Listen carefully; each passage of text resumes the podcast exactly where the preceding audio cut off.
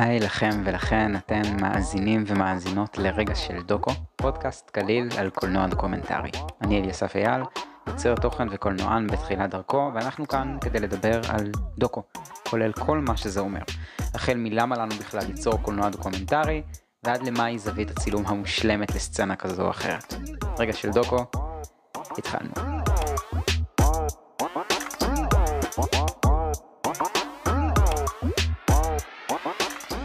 אז מאחר וזה בעצם הפרק הראשון בפודקאסט הזה, חשוב לי להציג את עצמי ולספר קצת איך בעצם הגעתי לתחום הזה של קולנוע וקולנוע דוקומנטרי ו- ומה אני עושה פה בכלל.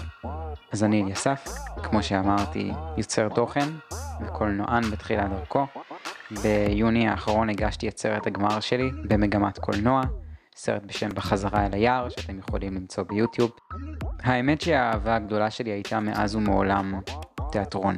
אהבתי הצגות, אהבתי להציג, אהבתי להופיע, אהבתי במה, בהדגש על במה.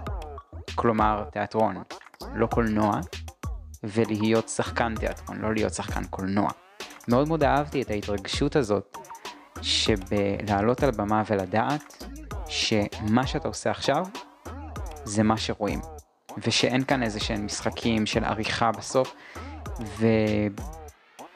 אה, ו... ומאוד מאוד אהבתי את זה, כי ידעתי שזה מכניס אותי למקום נורא נורא מעניין מבחינת היצירה שלי. ידעתי שאני עולה על הבמה ונותן את כל מה שיש לי, כי אם אני אתן פחות מזה, אין אפשרות לתקן. כשהגעתי לתיכון, לישיבה התיכונית שבה למדתי, והייתי צריך לבחור מגמה שבה אני אלמד מכיתה י' עד י"ב, רציתי מאוד ללמוד במגמת תיאטרון. אבל לצערי הרב המסגרת שבה למדתי לא הייתה מגמת תיאטרון, ולכן מה שבעצם קרה זה שהייתי צריך לבחור בין ארבע מגמות, פיזיקה, ביולוגיה, תקשורת ולימודי ארץ ישראל. את פיזיקה וביולוגיה הנחתי בצד כי זה פחות עניין אותי. והצוות החינוכי במסגרת שבה למדתי חזר ואמר כל הזמן שמגמה זה מקום שבו צריך ללמוד משהו שמעניין אותך. לכן הנחתי בצד באופן כמעט מיידי את פיזיקה וביולוגיה, גם את לימודי ארץ ישראל, ולמעשה נשארתי עם מגמת תקשורת. מגמה שנראתה לי מעניינת ממבט ראשון או שני, אבל לא מספיק מרתקת כדי שאני אכנס לתוכה בכל הכוח. טעיתי. נכנסתי למגמת תקשורת, והתאהבתי בתחום. בתור אחד שאהב מאוד לעמוד על במה ומול קהל, היה מעניין ואפילו אפשר לומר מרתק למצוא את עצמי פתאום מהצד השני. כלומר מהצד המביים, המצלם, העורך. גם כשהתעסקתי בכל מה שקשור לתיאטרון, התעסקתי בזה מהצד המשחק, לא מהצד המביים. ולכן להגיע גם לתחום אחר, שהוא תחום של צילום, של עריכה, של יצירה קולנועית, של טייקים, של שוטים, גם להגיע לזה וגם פתאום להחליף צד, ולא להיות בצד המשחק, בצד שמופיע מול המצלמה, אלא בצד שמפעיל את המצלמה ומביים מאחוריה, זו הייתה חוויה ש... שבאמת הייתה מדהימה בעיניי ונורא נורא נהניתי ממנה. היה משהו נורא נורא נורא כיף ב... בלקבל איזושהי שליטה על הסיפור. ליצור את הסיפור.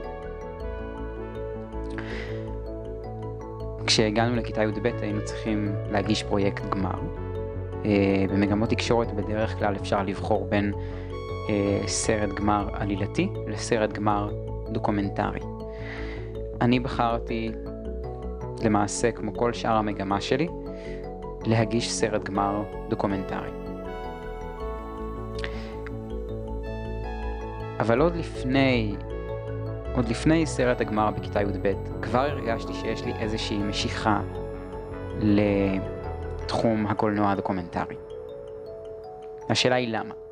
למה דווקא דוקו? למה לא לקחת קולנוע עלילתי רגיל? למה היום כשאני מתעסק בווידאו אני ממשיך להתעסק בתחום הזה ולא עובר למשל לוידאו של מוצרים או דוגמנות או קולנוע עלילתי כמו שכבר אמרתי? למה דווקא דוקו. מה יש בדוקו? מה מבחינתי יש בדוקו, כן? כמובן שזה עניין של טעם. אני מצאתי בדוקו את היכולת המדהימה לתעד את המציאות. ואני חושב שזה אחד ה... זו לדעתי אחת היכולות הכי מרשימות של קולנוע דוקומנטרי. הוא מתעד את המציאות. הוא לא ממציא סיפור, אלא מספר סיפור קיים. כמובן שלא כל הסרטים הדוקומנטריים הם כאלה. יש כל מיני סוגים של קולנוע דוקומנטרי, וזה כבר לפרק אחר. אבל הקולנוע שבו אני מתעסק, הקולנוע הדוקומנטרי שאותו אני יוצר, הוא קולנוע שעסוק בעיקר בעיקר בלתעד את המציאות כמו שהיא. לשלב ראיונות פה ושם, לפעמים גם לבסס עליהם את סרט, אבל נקודת ההתחלה היא שאנחנו קודם כל מתעדים מציאות. אנחנו לא יוצרים מניפולציות על הצופים, אנחנו לא מפעילים איזה שהן כוחות מאחורי הקלעים כדי לגרום לעלילה להתהוות בדרך שלנו, אנחנו מתעדים את המציאות. יש איזושהי אותנטיות בקולנוע דוקומנטרי, שאין בקולנוע אחר בעיניי. יש איזשהו קשר הדוק למציאות, שמתבטא לא רק ב...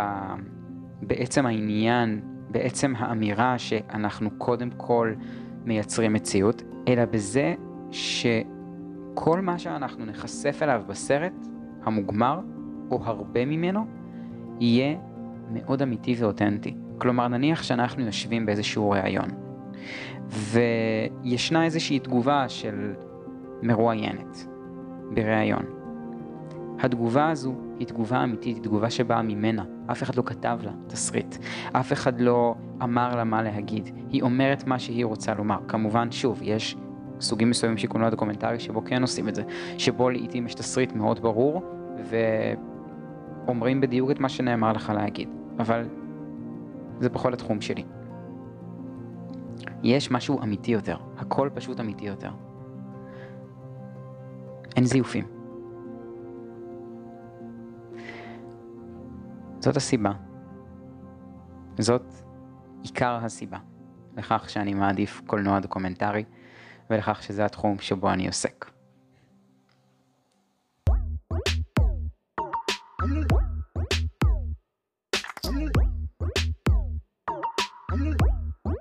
אנחנו סיימנו. תודה רבה שהאזנתם לרגע של דוקו, ואנחנו נתראה בקרוב עם פרקים נוספים. מוזמנים להישאר לעקוב. שיהיה אחלה יום.